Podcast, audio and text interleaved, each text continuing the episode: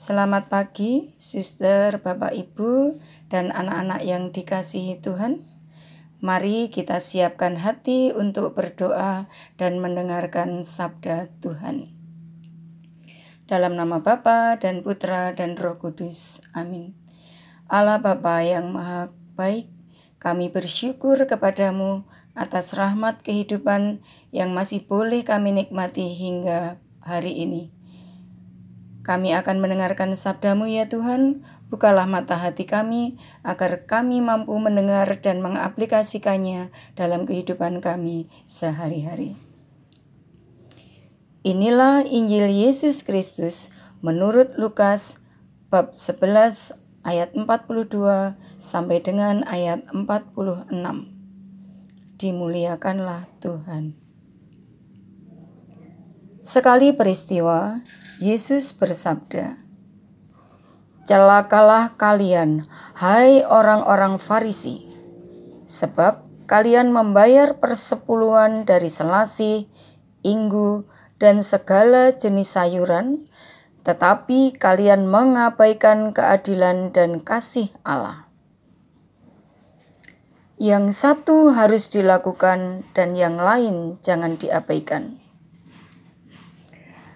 Celakalah kalian, hai orang-orang Farisi, sebab kalian suka duduk di tempat terdepan di rumah ibadat dan suka menerima penghormatan di pasar.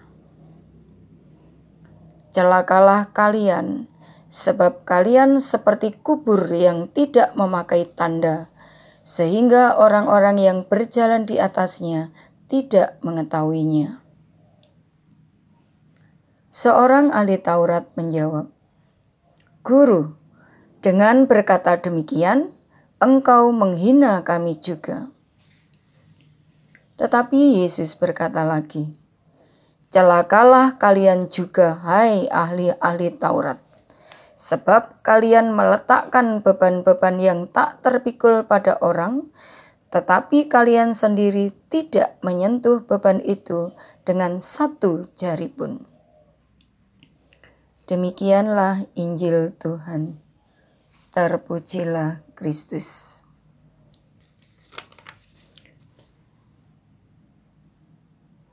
Menjadi teladan bagi sesama jauh lebih sulit daripada menjadi hakim atas orang lain.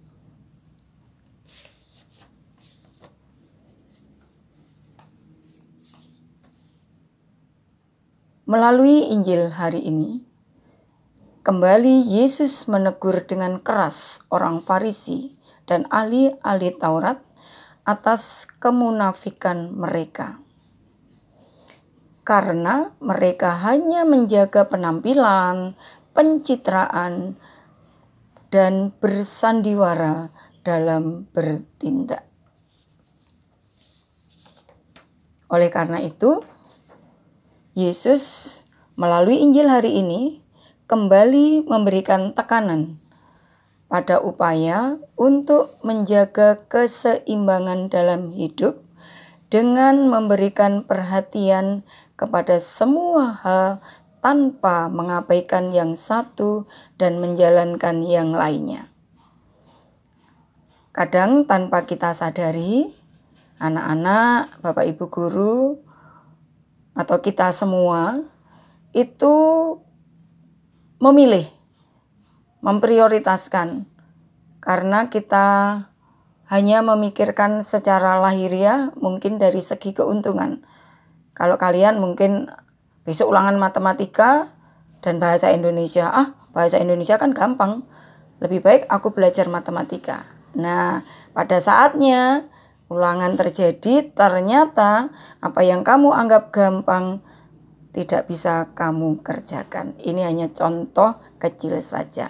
Oleh karena itu, Tuhan Yesus berkata, yang satu harus dilakukan dan yang lain jangan diabaikan. Itu artinya dalam setiap berbuat kita tidak usah pilih-pilih.